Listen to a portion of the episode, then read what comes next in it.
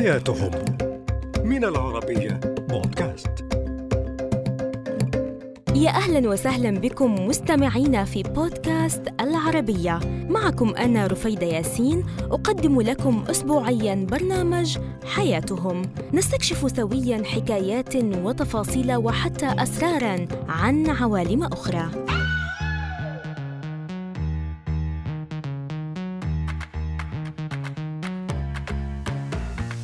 hakuna matata jambo karibu هي أول جمل ترحيبية يسمعها من تطأ أقدامه هذه البقعة الأفريقية التي تعج بالأسرار والأساطير. هناك وتحديداً في جنوب كينيا وشمال تنزانيا يعيش شعب الماساي حيث لا صوت يعلو فوق صوت القبيلة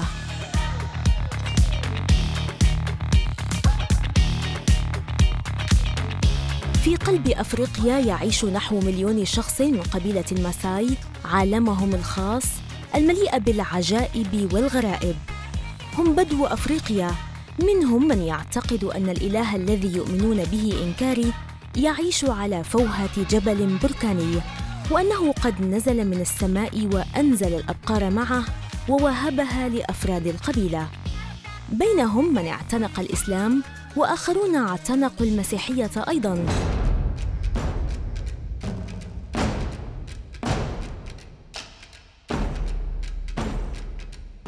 يعتمدون في حياتهم على الرعي وتربية الأبقار ويتحدثون اللغة السواحلية بالإضافة إلى لهجات محلية.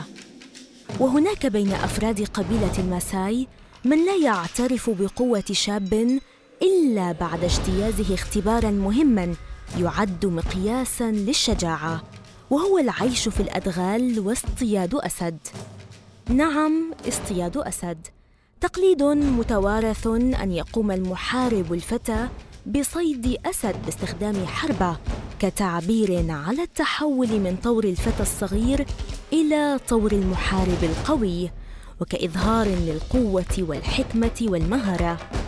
حينها فقط يكون من المقاتلين الأقوياء الذين إذا ما قرروا الزواج عليهم النجاح في اختطاف الفتاة التي أغرموا بها قبل الزواج ليحظوا بها. ويكون مهرها عادة من رؤوس الأبقار ويمكن للحاكم أن يتزوج حتى سبعين امرأة في آن واحد. ويطلق على زوجة الحاكم مادسوة وتعتبر المادسوة كبيرة سيدات الماساي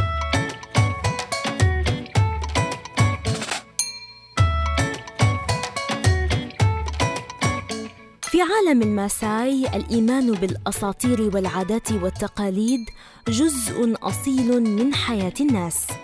هم يعتمدون على اللحوم والحليب ودم الماشية لتلبية احتياجاتهم من البروتين والسعرات الحرارية.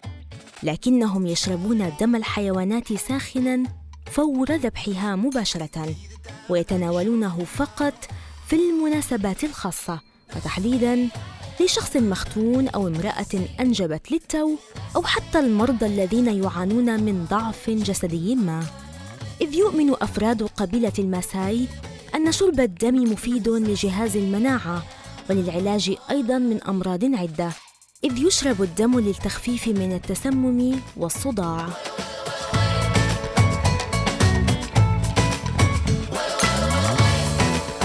ورغم حداثة العالم من حولهم يفضل غالبية الناس من قبيلة الماساي عيش حياة مغله في البدائية وتبدو على تفاصيلهم كل ملامح البداوة. لا تتضمن أي اجهزه كهربائية ولا إلكترونية ولا إنترنت.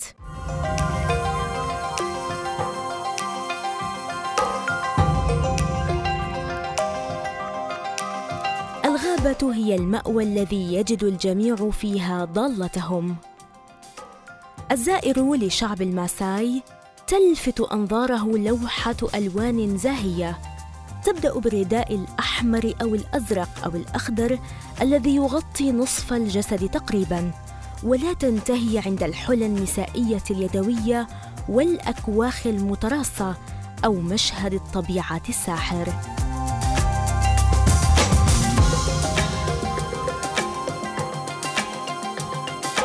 هذا العالم زاخر بالأساطير.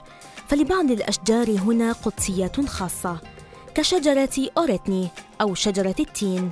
تلك الشجرة محرم على شعب الماساي قطعها. فهي التي تهب الحياة والجمال لهم وفق اعتقاداتهم. ومن يقع في مشكلة أو ورطة ما يلجأ إليها للتضرع وطلب المساعدة.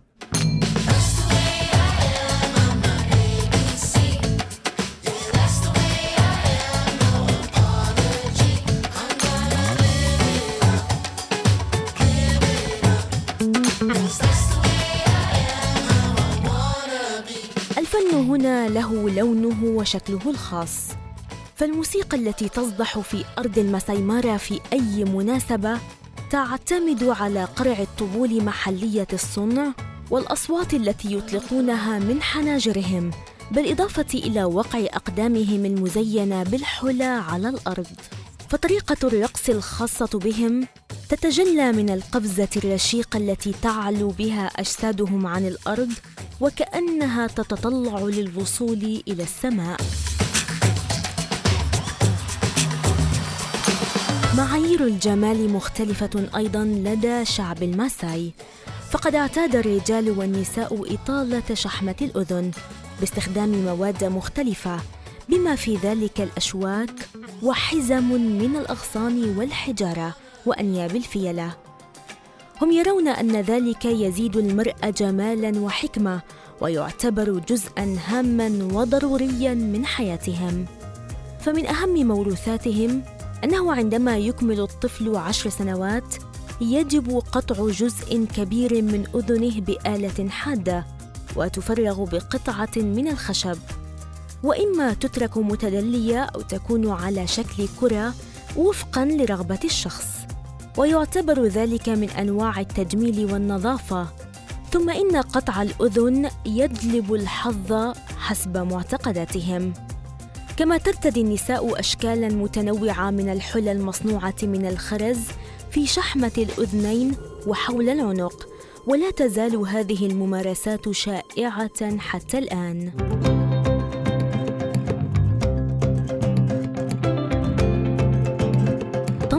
تمضي حياة قبيلة الماساي قرب بحيرة تركانا بذات النمط الذي عاشه أسلافهم منذ قرون عدة. لم يبدلهم الزمن ولم تتغير عاداتهم. شعب حيوي قوي البنية يعيش في الأراضي السهلية الشاسعة التي تكونت حول الإخدود لشرق أفريقيا.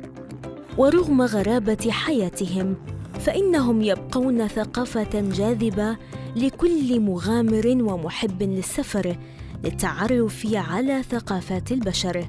فببساطة هذه هي حياتهم.